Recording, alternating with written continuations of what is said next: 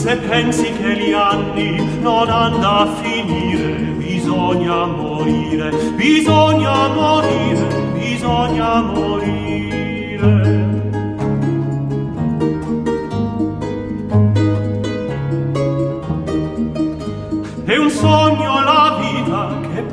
Gradita e breve gioire, bisogna morire, non val medicina, non giova la china, non si può guarire, bisogna morire, bisogna morire, bisogna morire.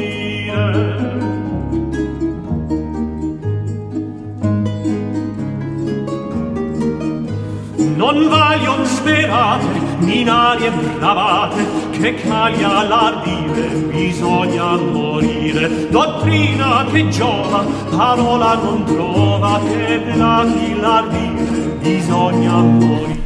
Számos család, előre látva a járvány közelettét, mindannyiuk számára megfelelő mennyiségű élelmet raktározott fel és bezárkózott. Egyesek olyannyira, hogy csak akkor lehetett látni őket, hallani róluk, amikor a járvány már megszűnt, és ők éppen egészségesen előjöttek. Sok ilyen esetre emlékszem, és részletesen el tudnám mondani, milyen intézkedéseket tette, és kétségtelen, hogy akik körülményeik folytán el nem hagyhatták otthonukat, akiknek nem volt megfelelő menedékhelyük, ennél hatásosabb, biztonságosabb megoldást nem is találhattak. Mert ez a visszavonultság felért azzal, mintha száz mérföld messzeségbe költöznek. És nem is tudok egyetlen egy esetet sem, amikor egy ilyen családnak baj esett volna. Ebből a szempontból elsősorban egyes holland kereskedők viselkedtek figyelemre méltóan. Házukat, mint valami ostromlott váracskát őrizték, senkit sem engedtek, se ki, se be. De még a kapujuk közelébe sem. Különösen szembeszökő volt ez egy Tormorton Street-i teleknél, ahol a ház a Drapers Gardenre nyílt. De hadd térjek vissza azokra a fertőző családokra, akiknek házát a hatóságok lezárták, leírhatatlanul nyomorúságos helyzetbe kerültek, a kényszerű fogságban szeretett hozzátartozóik állapotának láttára rettegés fogta el őket, halára rémültek, és így nem csoda, hogy általában ezeknek a szerencsétleneknek házában hallatszott ki a legszívfacsaróbb siránkozás és jajveszékelés. Emlékszem egy hölgyre, és még most is, ahogy leírom, szinte hallani vélem történetét. Egyetlen gyermeke volt, egy 19 éves leány meglehetősen jó módú asszony volt, és a háznak, ahol lányával élt, nem volt más lakója. Egy alkalommal a fiatal lány anyjával meg a szolgálóval elment valahová, hogy hová arra nem emlékszem, hiszen a házuk nem volt lezárva. De mintegy két órával hazatérésük után a fiatal hölgy rosszul rétre panaszkodott. További negyed óra múlva hányni kezdett, és szörnyű fejfájása támadt. Isten irgalmaz, mondta megrettenve az anyja, csak nem kapta meg gyermekem a pestist, mikor pedig a lány fejfájása fokozódott, az anyja elhatározta, hogy megmelegíteti az ágyát, lefekteti és izzasztót készít neki, mert a ragály első jeleire általában ezt a gyógymódot alkalmazta. Mi alatt az ágy szellőzött, az anya levetkőztette a leányt, és amikor lefektette, és gyertyafénynél megvizsgálta a testét, combjának belső oldalán azonnal felfedezte a ragály végzetes jeleit. Nem bírta tűrtőztetni magát, eldobta a gyertyát, és oly retteneteset sikoltott, hogy az még a legbátrabb férfit is megrémítette volna. De nem csak ez az egy sikoly hagyta el az ajkát, mert a szerencsétlen asszonyt olyan rettegés fogta el, hogy menten elájult, majd magához térve ide-oda kezdett futkározni a házban, és mint az őrült föl rohant a lépcsőn, és valóban megháborodott, órákig sikoltozott, kiáltozott meghibbanva, vagy legalábbis öntudatát vesztve, és ahogy hallottam, józan esze nem is tért vissza többé.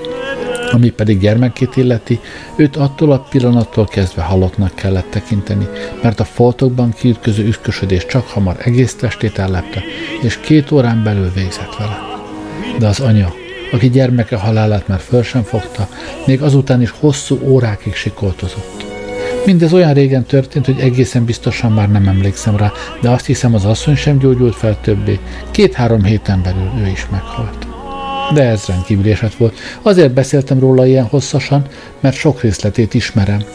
de számtalan ehhez hasonló dolog történt, és ritka számba ment, ha a heti halálozási jegyzéken nem szerepelt két-három személy, aki az ijegységtől halt meg, vagyis, ahogy ez esetben jogosan mondhatjuk, rémületében szörnyet halt. De nem csak olyan esetek fordultak elő, hogy valaki így módon azon nyomban meghalt, Egyesekre az ijegység másféle végletes hatással volt. Sokan meghibbantak, eszüket vagy emlékezetüket vesztették. Hadd térjek azonban vissza a házak lezárásához.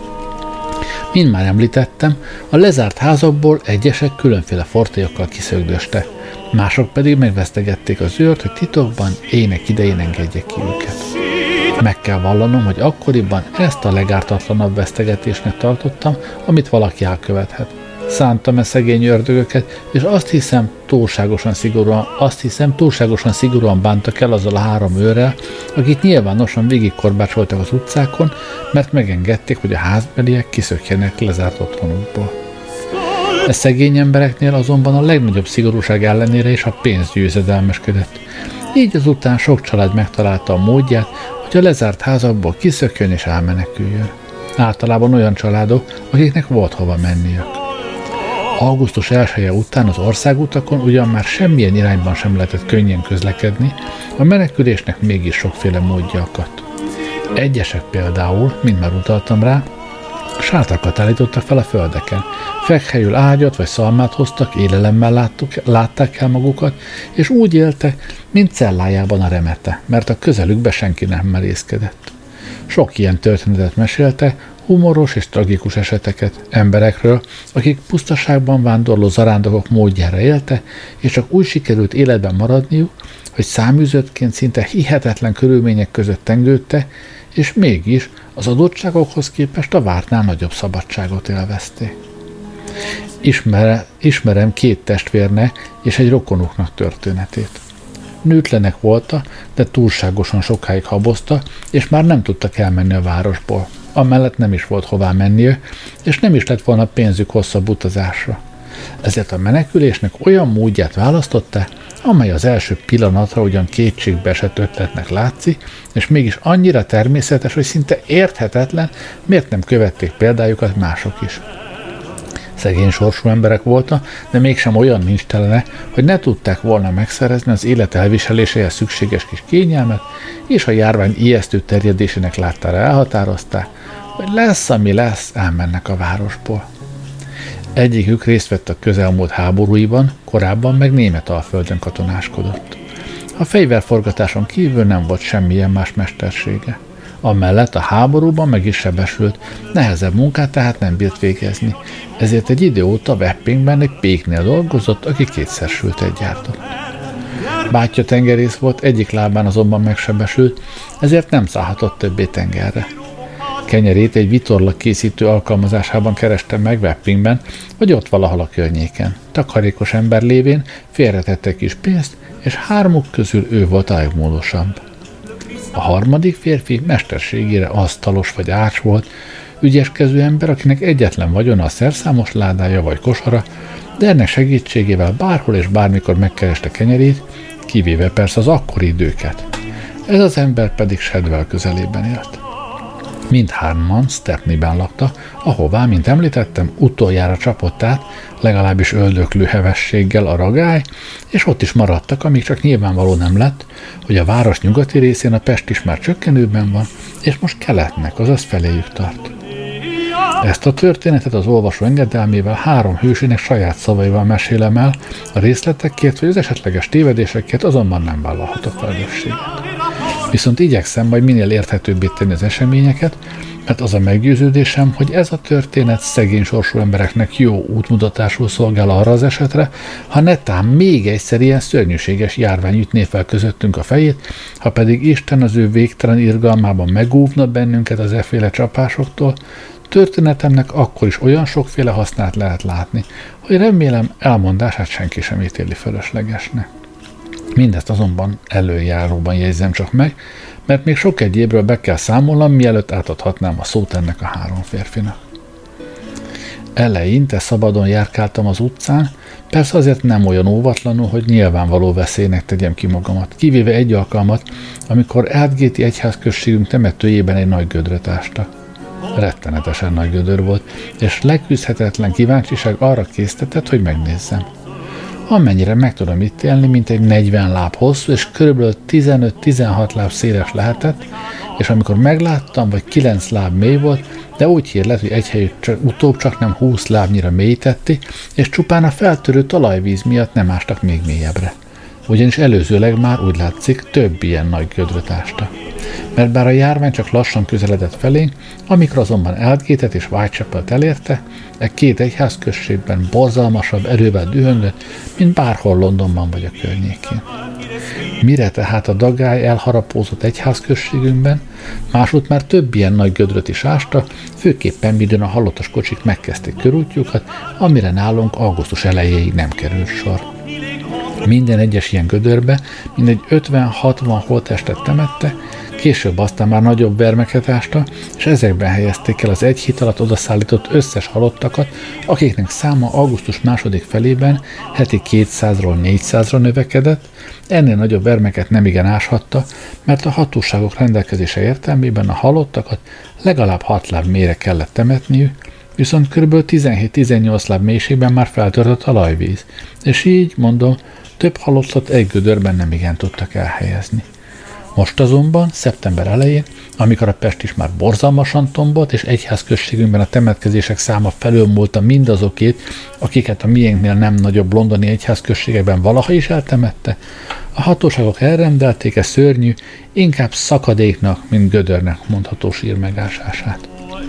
Amikor hozzálátta, azt gondolták, elég lesz egy hónapra, vagy esetleg még tovább is.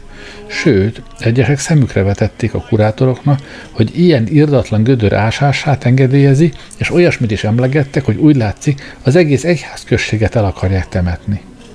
Ám az idő a kurátoroknak adott igazat.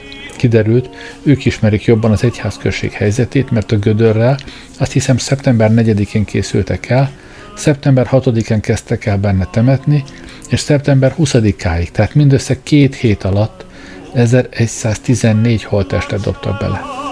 Ekkor be kellett fedniük, mert a tetemek a talajtól már hat lábra feküdtek. Biztos vagyok benne, hogy az egyház községünkben akad még néhány öreg ember, aki a tényeket igazolhatná, sőt, nálam pontosabban meg tudnám mutatni azt a helyet is, ahol ez a gödör húzódott.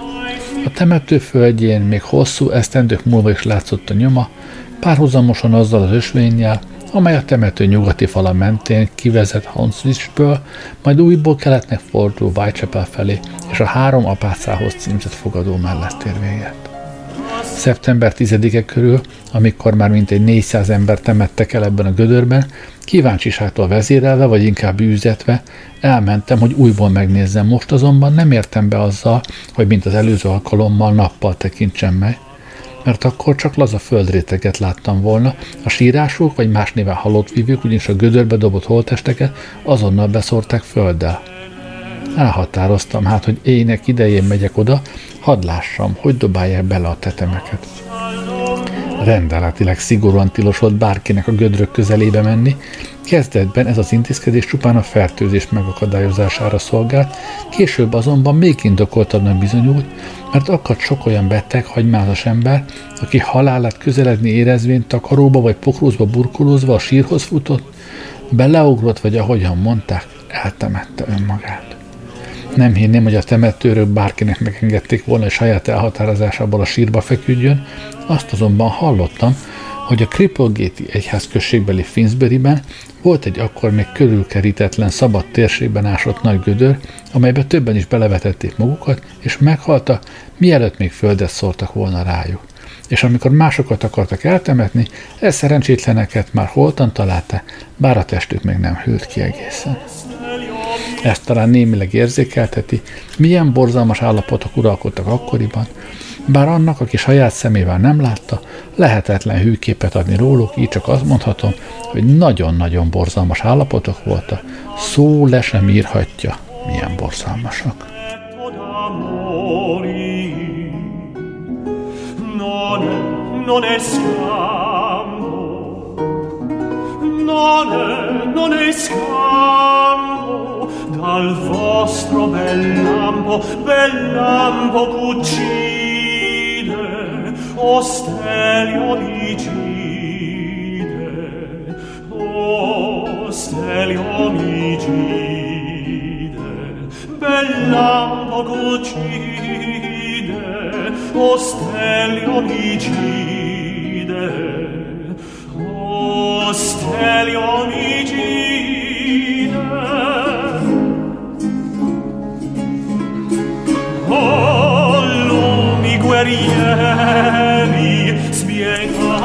A temetőbe úgy jutottam be, hogy ismertem az ottani temetőört. Egy derék, vallásos és józan gondolkodású ember. Noha nem utasított el, de igen határozottan lebeszélt szándékomról. De kik, mondta komoly hangon, feladatok és kötelességük bemenni a temetőbe, vállalva a kockázatot, és ezért remélheti, hogy Isten megóvja. Nekem azonban nincs semmiféle nyomós indokom, csupán a puszta kíváncsiság hajt, és ez, mondta, bizonyára szerintem sem kellő ok arra, hogy ilyen kockázatot vállalja. Én erre azt válaszoltam, hogy érzései, érzéseim ösztökélnek, és esetleg olyan tanulságos látványban lesz részem, amelynek hasznát vehettem. Ha emiatt vállalja a kockázatot, felelt erre a derékember, akkor menjen be Isten nevében, mert higgyel nekem, olyan prédikáció lesz ez maga számára, amelynél ékesebben szólót valószínűleg még sose hallott. Beszédes látvány ezt folytatta, fennhangon kiált hozzánk, bűnbánatra szólít minnyájunkat. Ezzel kitárt a kaput, és így szólt, menjen be hát, ha akar. Szavai kissé megingattak elhatározásomban, és jó ideig tétován áldogáltam, de éppen akkor a minoris felől vákja villant, és csengettyűs ember csengőjének szavát hallottam, majd felbukkant egy halottas kocsi, és az utcán felén közeledett. Nem tudtam tovább belenállni a kíváncsiságnak, és beléptem a temetőbe. Az első pillanatban senkit sem láttam ott, és nem is jött senki a halott vívőkön, meg a kocsison kívül, aki a kocsit hajtotta. Jobban mondva a lovat kantárszáron vezette, amikor azonban a gödörhöz értek, észrevették, hogy egy barna köpenyekbe burkolózott férfi járkálott fel alá, és köpenye alatt olyan mozdulatokat tesz a kezével, mintha nagy kínok gyötörni. A halott vívők tüstént köréje gyűlte, mert azt hitték, ez is a féle kétségbeesett szerencsétlen vagy hagymázas beteg, aki, mint említettem, önmagát akarja eltemetni. A férfi szótlanul járkált fel alá, de kétszer-háromszor is hangosan felnyögött, és szívettépen sóhajtozott. Midőn a halott vívők köréje gyűltek, csak hamar kiderült, hogy a férfi, ellentétben azokkal, akikről az imént beszéltem, nem pestises, nem készül öngyilkosságra, és nem is vesztette el az eszét, hanem szörnyű nagy bánat emészti, mert a most érkezett kocsin felesége és gyermekei feküsznek. Őket követte ide rettenetes kínjában, gyötrelmében. Gyász a szemmel láthatóan mélységes volt, de az a fajta férfi gyász, amely nem talál könnyekben enyhülést. A férfi szembeszegült a halott vívőkkel, nyugodt hangon azt mondta, ne háborgassák, csak meg akarja várni, amíg a holtesteket a sírba teszik, és akkor elmegy. A halott vívők erre végén hagyta, de amikor a kocsi körbefordult, és a hullákat egymás hegyén hátán betaszigálták a gödörbe, elátványra nem tudta tovább tűrtőztetni magát, és megdöbbenésében hangosan fölkiáltott. Mert erre nem számított. Azt remélte legalább tisztességesen eltemetik majd a halottakat, bár utóbb belátta, hogy ez lehetetlen volna. Nem hallottam, mit kiáltott, csak azt láttam, hogy két-három lépést hátrá, majd ájultan összerogy. A halott vívők oda rohantak, fölemelték, és amikor egy idő múlva magához tért, a Hanstitch végében álló pástéton fogadóba vezették, ahol a férfit úgy látszik ismerték, és így gondozásba vették. Miközben elvezették, még egy utolsó pillantást vetett a gödörre, a halott vívők azonban olyan gyorsan elföldelték a holttesteket, hogy már semmit sem láthatott, pedig amúgy elég világos volt a temetőben, mert a gödör körül a földkupacokon lámpások álltak, és bennük gyertyák, 7-8 lámpás, de lehet, hogy több is. Ez a szívfacsaró jelenet csak nem ugyanannyira megdöbbentett, mint ami ott még elém tárult, a halottak hátborzongató rémséges látványa. A kocsin 16-17 hulla volt, egyesek vászonlepedőbe, mások potróz, pokrózba burkolva, akadtak azonban olyanok is, amelyek csak nem pőrén hevertek, vagy annyira lazán feküdt rajtuk a takaró, hogy amikor a kocsit megdöntötték, lehullott róluk. Itt teljesen mezítelenül zuhantak be a többiek közé, de ez már mit sem számított. Senki sem háborodott fel rajta, hiszen aki látta, tudhatta, valamennyien halottak, és összezsúfolna hever, a heverne az emberiség közös sírjában, ahogy ezt a gödröt nevezhetjük, s ahová szegény és gazdag egyaránt belehult. Nem volt más mód a temetésre, hogyan is lett volna, hiszen koporsó sem akadt elé, oly sokan pusztultak el ebben a szörnyű szerencsétlenségben. A halott vívőkről azt a felháborító hírt terjesztették, hogy ha egy-egy holtestet tisztességesen betakarva, vagyis ahogy akkor neveztük, halotti leppelben, fejénél lábánál lekötve adták át nekik, ami egyeseknél előfordult, és az ilyeneket rendszerint jó minőségű vászonba takarták, mondom azt híreztelték, hogy a halott vívők istentelen módon leszették róluk a leplet, és mesztelenül cipelték őket a gödörhöz. Én azonban keresztény embertől ekkora aljasságot, méghozzá ilyen borzalmak idején nem tudok egy könnyen feltételezni, és ezért csak megemlítem ezt a dolgot anélkül, hogy el akarnám dönteni, volt-e benne valami igazság, vagy sem.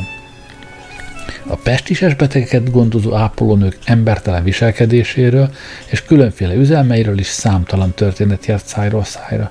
Így például azt mesélték, hogy némelyik némelyek egyenesen sietették a rájuk bízott betegek halálát. Erről a maga idejében még lesz mondani való.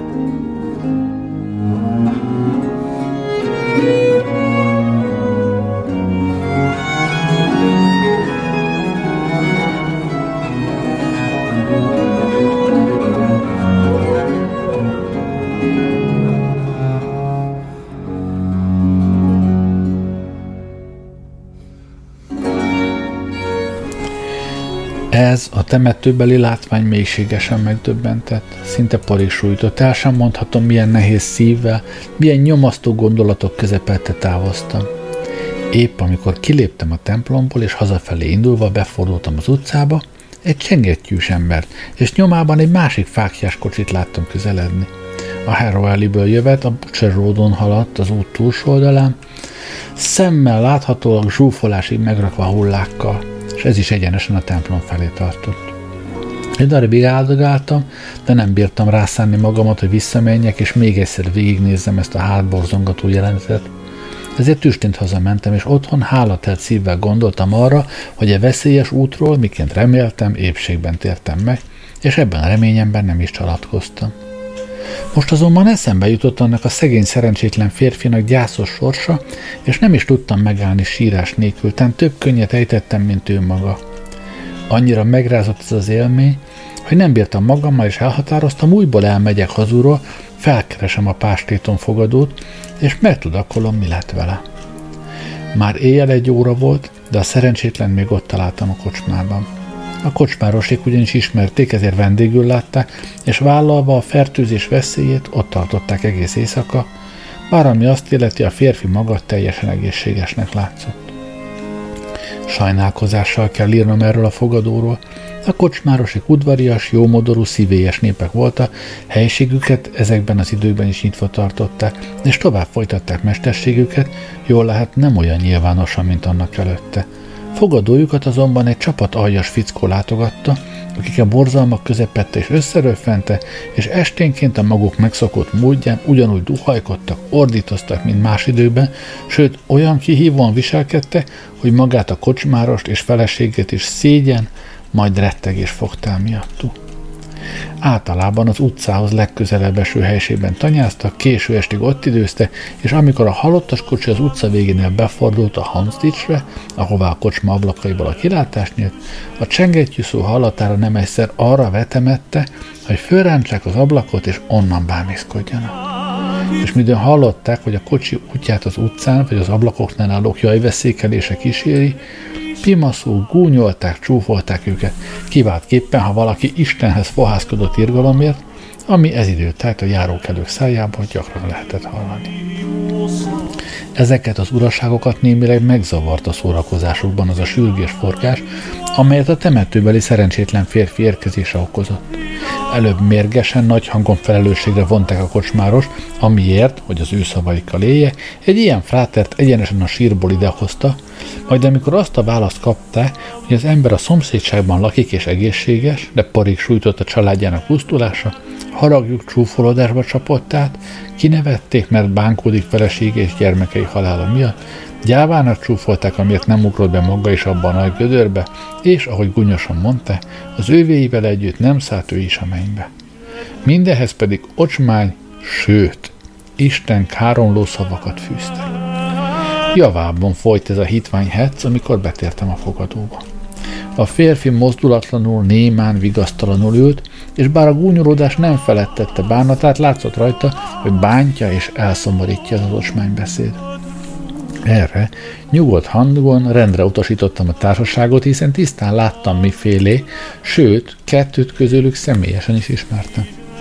Ekkor hangos szitkozódás közepette, tüstén nekem este, foggattak, miért szöktem ki a sírból, amikor nálam becsületesebb emberek tömegét viszik ki a temetőbe, vagy miért nem ülök otthon imádkozva, hogy az én házamat elkerülje a halottas kocsi, és így tovább.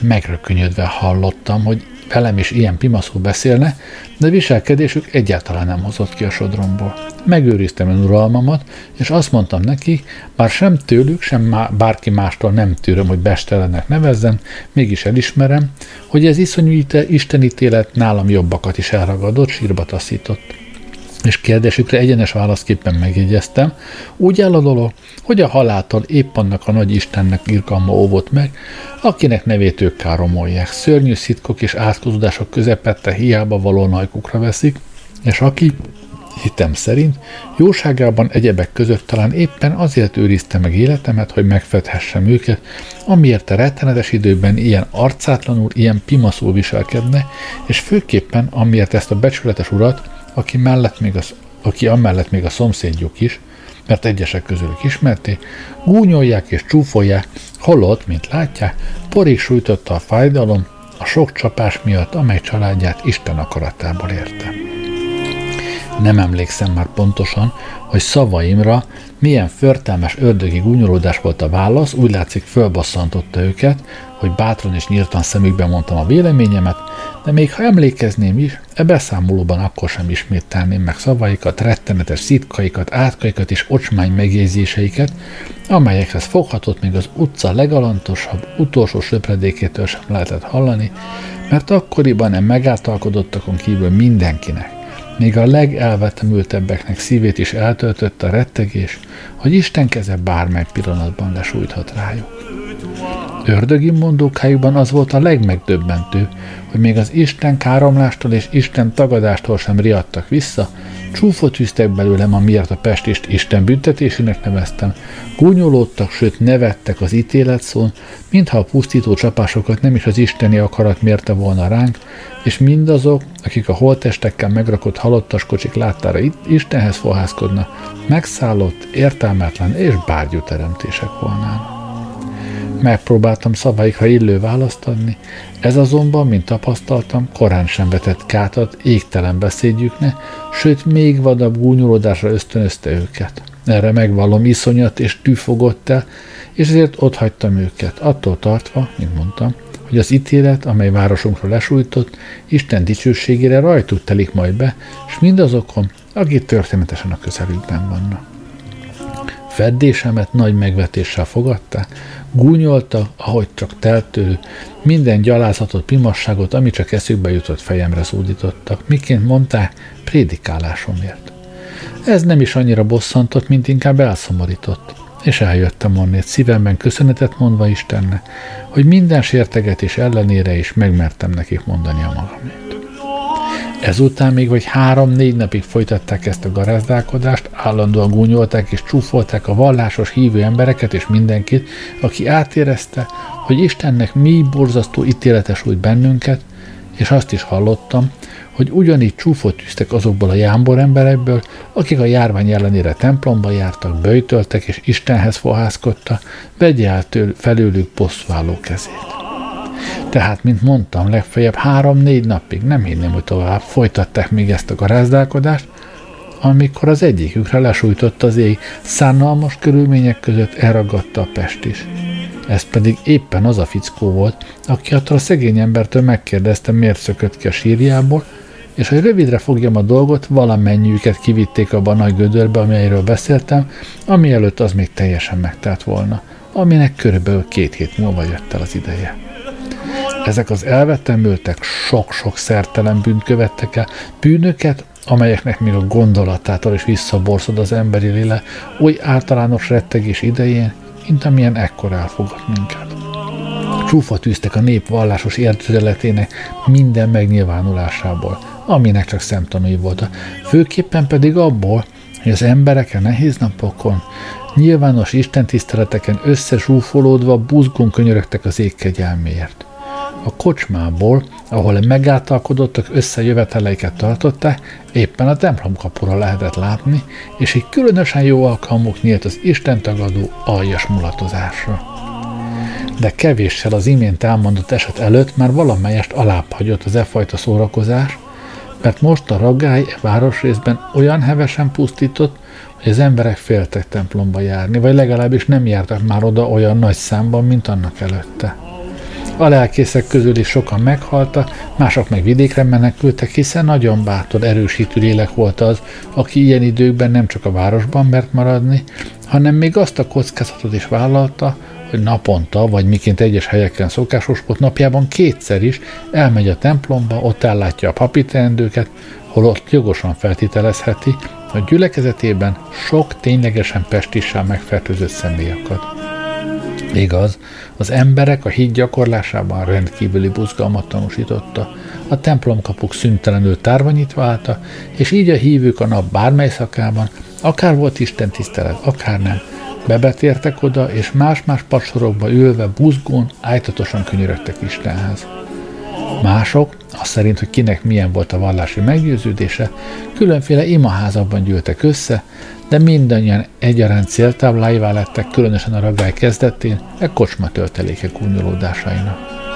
Csak hogy a vallásos érzület efféle nyílt sértegetése miatt úgy látszik, alaposan megrúdtak őket minden hitfelekezetű jámbar embere, és ennek a körülménynek, valamint a ragály eszeveszett dühöngésének kell tulajdonítana, hogy durvaságaikkal egy ideje jóformán felhagyta, és a trágárság és istentagadás gonosz szellemét csupán a szerencsétlen érkezése nyomán támad sürgés forgás ébresztette megint felvenni.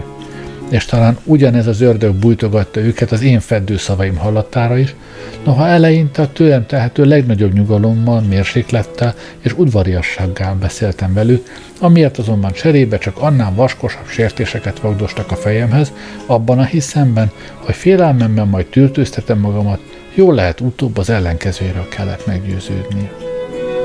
Förtelmes istentelenségük miatt valóban nagyon szomorúan és megbántott lélekkel tértem haza, de abban a biztos tudatban, hogy az isteni igazságszolgáltatás szörnyű példájává teszi majd őket, mert a rémséges időt az isteni bosszú kiszemelt esztendejének tartottam, amikor az ég más időszakhoz képest különlegesebb és feltűnőbb módon válogatja meg jogos haragjának tárgyait.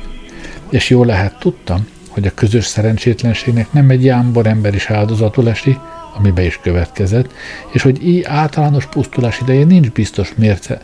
Az így vagy úgy kiszemeltek örök üdvösségének megítélésére, mégis mondom, észterűnek véltem azt a gondolatot, hogy Isten nem lesz irgalmas nyílt ellensége iránt, akik így időkben sértegetik nevét és lényét, semmibe veszik bosszúját, kigunyolják az ő imádatát és imádóit, még ha máskor irgalmasságában jónak látta is, hogy elviselje és megkímélje őket, mert ez Isten ítéletének és haragjának esztendeje volt, és ezenbe jutott Jeremiás könyve, 5. fejezetének 9. verse.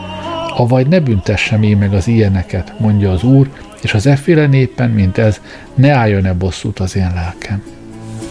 Ilyen több rengés közepette tértem haza szomorúan, nyomasztó hangulatban, ezeknek az embereknek gonoszsága miatt, megborzattam a gondolattól, hogy egyáltalában akadhatnak efféle alávaló, kőszívű, javíthatatlanul gonosz lénye, akik így gyalázzák az Istent, az ő szolgáit, az ő imádatát, és éppen olyan időkben, amikor mondhatni kivonta kardját, hogy bosszút állja nem csak rajtuk, hanem az egész népen.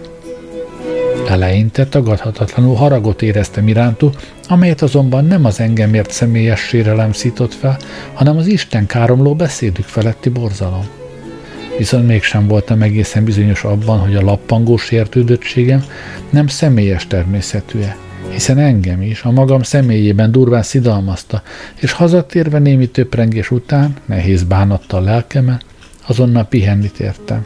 De egész éjszaka nem jött állam a szememre, Alázatosan hálát adtam Istennek, hogy megúvott a rendkívüli veszély közepette, amelynek kitettem magamat, és ekkor eltökélt elmével és őszinte szívvel imádkozni kezdtem ezekért a mindenre elszállt nyomorultakért, hogy Isten bocsásson meg nekik, nyitsa ki szemüket, és tanítsa alázatra őket.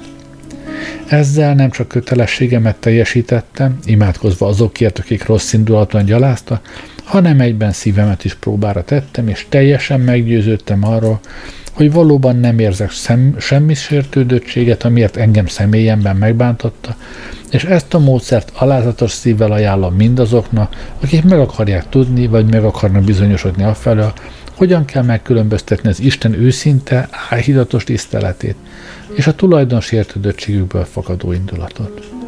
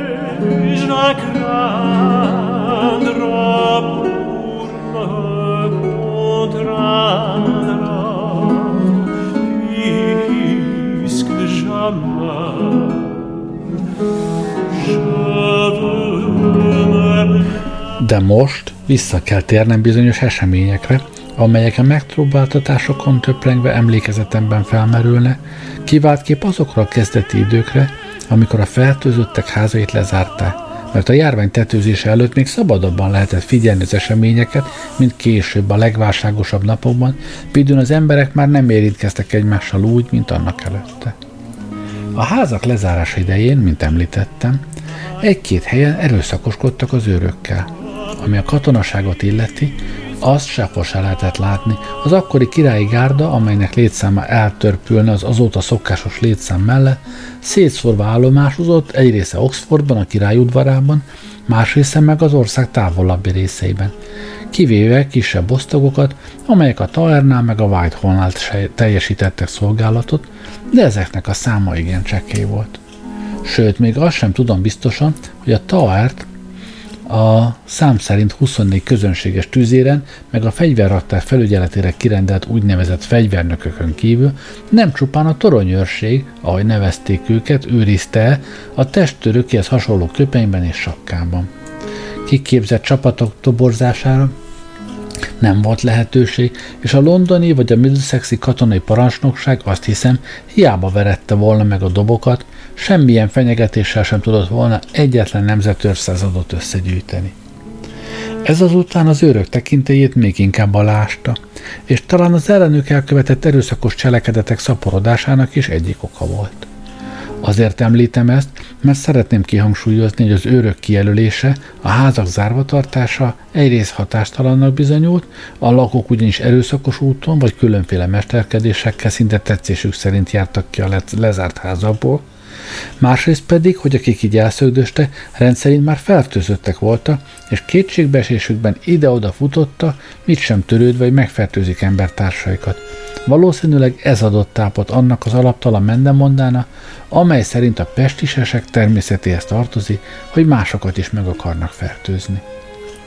Biztosan tudom, hogy számtalan esetben ez nem így volt, és sok olyan derék, jámbor, vallásos emberről mesélhetni, aki midőn utolért a ragály, nem hogy másokat szándékosan meg akart volna fertőzni, hanem még családját is eltította magától abban a reményben, hogy övéi így módon épségben maradna és meghalt anélkül, hogy a legközelebbi hozzátartozóit akárcsak látta volna, mert nem akarta, hogy épp ő váljék a pestis terjesztésének eszközévé. Megfertőzze vagy veszélybe csodorja, halány, sodorja családját. Ha tehát előfordult, hogy fertőzöttek nem törődömségükkel másoknak bajt okozta, ennek egyik, ha nem a legfőbb rúgója az volt, hogy a lezárt házakból kiszökött pestises személyek szükségtől hajtva igyekeztek eltitkolni betegségüket, mert márként sem élelemhez, sem, sem szálláshoz nem juthattak volna, és így akaratlanul megfertőzték mit sem sejtő elővigyázatlan embertársaikat. Részint ezért vallom azóta is, hogy a házak erőszakos lezárása, az emberek szabad mozgásának korlátozása, jobban mondva otthonukba történő bebörtönzése, egészében véve, mint mondtam, nagyon kevés vagy semmilyen haszonnal sem jár. Sőt, az a véleményem, hogy inkább ártott, mert egyenesen kóborlásra kényszerítette azokat a pestissel megfertőzött szerencsétleneket, akik másként talán békésen, saját ágyukban haltak volna meg. Emlékszem egy városi polgára, aki kiszökött Eldersgate Street-i vagy annak környékén levő házából, és elindult az Islington felé vezető úton. Megpróbált betérni előbb az angyalba, majd pedig a fehér lóba, két fogadóba, amelyet még mindig ezeken a neveken ismerne, de egyik helyen sem adtak neki szállást. Innen a Tarka Bikába ment, ez a fogadó máig is ezt a céget viseli. Csupán egyetlen éjszakára kért szállást, mintha a Lincoln sírbe készülne, és bizonygatta, hogy teljesen egészséges, mentes a pestistől, amely annak idején még nem is igen jutott el odáig. A fogadóban azt mondták neki, hogy nincs üres szobájuk, legfeljebb a padlás szobában kaphat ágyat, de azt is csak egy éjszakára, mert másnapra marha hajcsárok érkezését várják, ha ezzel az ágyal beéri, megkaphatja. A férfi igen mondott, mire az egyik szolgáló felkísérte egy gyertyával, hogy megmutassa a szobát. Igen jól öltözött férfi volt, nem olyannak látszott, mint aki ahhoz volna szokva, hogy padlás szobában aludjé, és amikor belépett, a szobába nagyot sóhajtott. Nem igen feküdtem még ilyen helyen, mondta a szolgálóna. A lány erre megismételte, hogy nincs jobb szobájuk. Akkor ezzel kell beérnem, válaszolta a férfi. Rettenetes időket élünk, de hát csak egy éjszakáról van szó. Ezzel leült az ágy szélére, és megkérte a lányt, hogy hozzon neki, azt hiszem, egy korsó meleg sört. A szolgáló elindult a sörért, de odalent egyéb sürgős tennivalója akadt, amely miatt teljesen megfeledkezett a férfi kívánságáról, és így nem is ment fel többi a padlásra. Másnap reggel, midőn a férfi nem jött le a szobába, valaki a házbeliek közül megkérdezte a szolgálót, aki felkísért, hogy mi lett vele. Jaj, válaszolta ilyetlen a lány, teljesen megfeledkeztem róla, kérte, hogy vigyek föl neki egy kis meleg sör, de kiment a fejemből. Ekkor nem a lányt, hanem valaki más küldtek fel, hogy nézze meg, mi van a vele, és amikor az illető belépett a szobába, a férfit holtan találta, már csak nem kihűlt tete, meg kinyújtózva keresztben felvert az ágyon.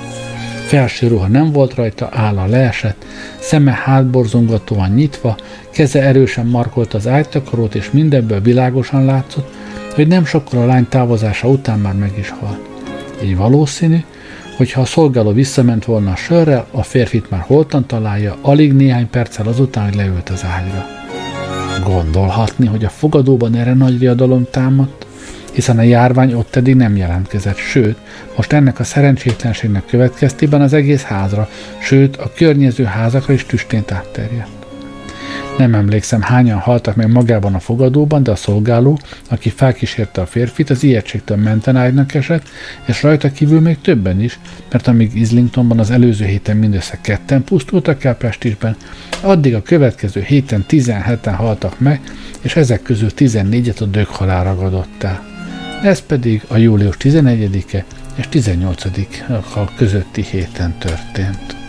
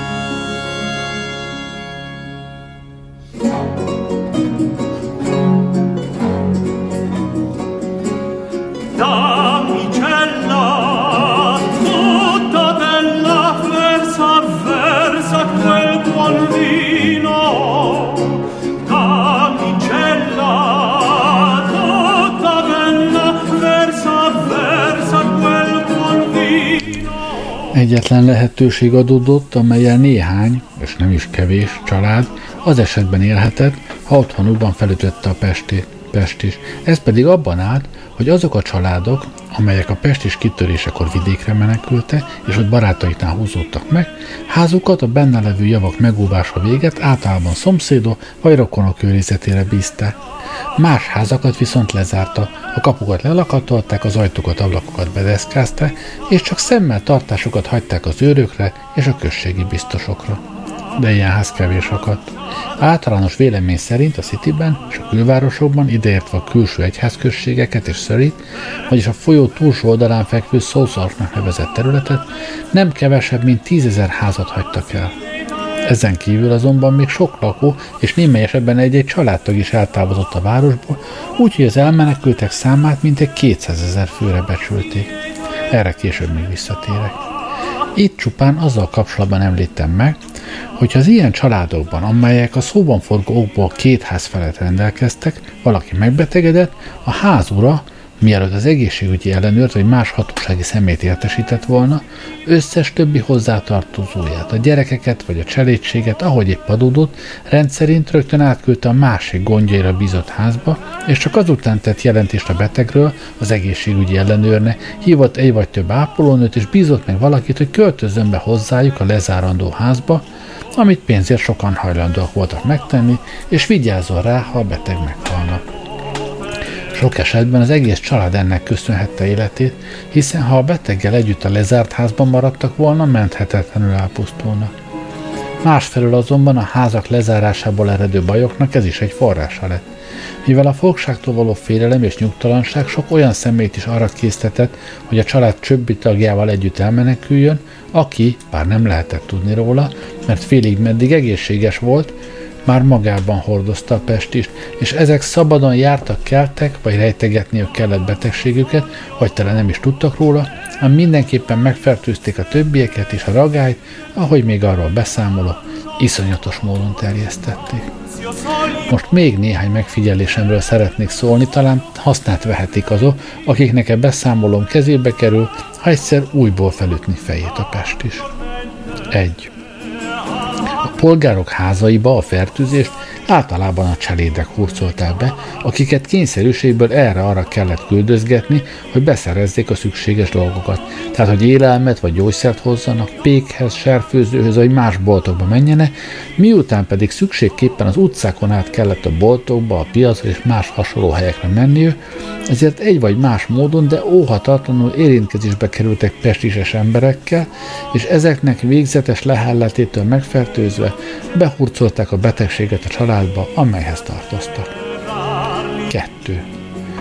Súlyos hiba volt, hogy egy ekkora városban mindössze egyetlen járványkórház akadt, mert ha nem csak az az egy lett volna, van Hillfieldsen túl, ahol legfeljebb két-háromszáz embert lehetett elhelyezni, ha mondom, egy helyet több, ezer személyes járványkórház lett volna, amelyben a betegek nem kettesével fekszenek az ágyakban, de még a szobákban sem, és ha minden családfőne, mihelyt a házában valaki, kiváltképpen a cselédek közül megbetegszik, kötelessége lett volna a beteget annak beleegyezésével, és ebbe sokan beleegyezte, a legközelebbi járványkórházba küldeni, továbbá, ha az egészségügyi ellenőrök ugyanígy járnak el azokkal a szegény sorsúakkal, akiket ért a ragály, mondom, ha mindez így történik, mégpedig az érintettek hozzájárulásával, és nem másképpen, és a házakat nem zárják le, akkor biztos vagyok benne, és mindig is ezen a véleményen voltam, a Pest és sok ezerrel kevesebb áldozatot szedett volna,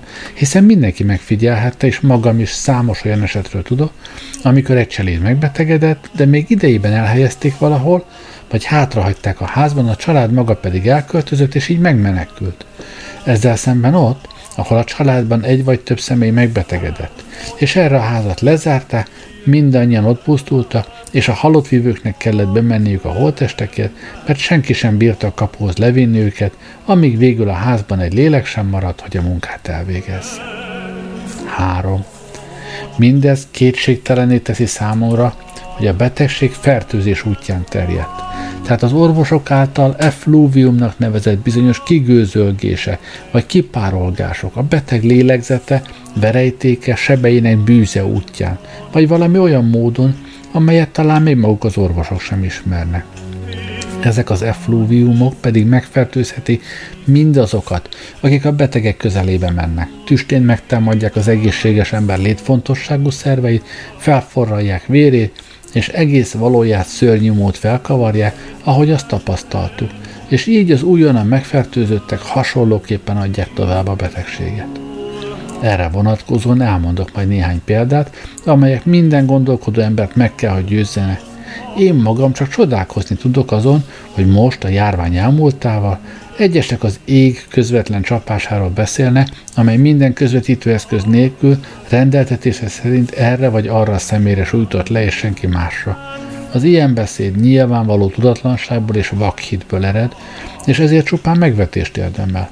Ugyanígy az a vélemény is, amely szerint a fertőzést pusztán a levegő terjeszti azáltal, hogy számtalan rovart és láthatatlan lényt hordoz, amelyek lélegzés útján, sőt a pórusokon át a levegővel együtt behatolnak a testbe, és hogy gyorsan ölő mérgeket vagy mérges petéket és csírákat hoznak létre vagy bocsátanak ki, és ezek a vérbe keveredve megfertőzik a szervezetet.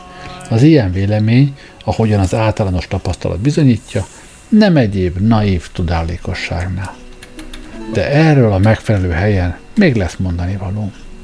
Itt még azt is meg kell jegyeznem, hogy a legnagyobb bajt maguknak, a városi polgároknak a nem törődömsége és hanyagsága okozta. Mert jó előre tudtak a közeledő ragályról, és mégsem készültek fel rá. Nem raktároztak felélelmet, sem más szükséges holmit, pedig így a külvilágtól elzárva élhettek volna házukban, ahogyan ezt, mint mondtam, némelyek meg is tették és legtöbbjük hála ennek az óvatosságnak életben is maradt. Mellett később, mikor már kicsi hozzáződtek a bajokhoz, az emberek attól sem riadtak vissza, hogy fertőzötten egymással érintkezzenek, nem úgy, mint eleinte, még akkor sem, ha tudták, hogy betegek.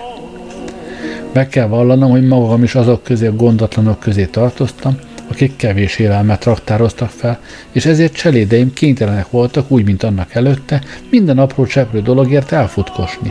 Míg aztán a tapasztalat ráébresztett ostobaságomra, nem már olyan későn, hogy alig maradt időm egy havi közös szükségletű beszerzésére. Házam népe mindössze a háztartásomat vezető öregasszonyból, egy szolgálóból, két segédből, meg jó magamból állt és mikor a Pestis környékünkön egyre inkább elharapózott, gyakran gyötört nehéz gond, hogy mire szálljam magamat, mit tévő legyek. Az utcán jártamban, keltemben mindenféle sok iszonyatos dolgot láttam, szívemet szörnyű rettegést töltött el, féltem a járványtól, amely már önmagában is borzalmas volt, kép egyes esetekben. Amikor a beteg nyakán vagy ágyékán keletkezett daganatok megkeményedtek és nem akartak felfakadni, a legválogatottabb tortúrával felérő kínokat okozták, sokan nem bírták a gyötrelmeket, kiúrottak az ablakon vagy agyonlőtték magukat, hogy másképpen oltották ki életüket. Számos ilyen szörnyű esetet láttam. Mások nem tudtak uralkodni magukon, és kínjukban szüntelenül ordította, és az utcán jártunkban oly hangos és fájdalmas kiáltozás ütötte meg fülünket, hogy puszta hallatára is megborzadt a szívünk. Borzadájunkat még csak fokozta hogy ugyanez szörnyű Isten csapás bármely percben minket is elérhet. Mi tagadás, korábbi eltökéltségem alaposan megrendült, lelkérőm elhagyott, és szántam, bántam meg gondolatlanságomat. Ha elmentem hazúról, az említettekhez hasonló szörnyűséget tapasztaltam, bizony átkoztam hebbe hódjaságomat, vakmerőségemet, hogy itt maradtam a városban. Sokszor kívántam, bárcsak ne vállaltam volna ezt a kockázatot, és bátyámmal meg a családjával együtt én is elmentem volna. Hát ennyi fért a mai adásba. Köszönöm, hogy velem voltatok ma este. Jó éjszakát kívánok, Gerlei Rádiózott.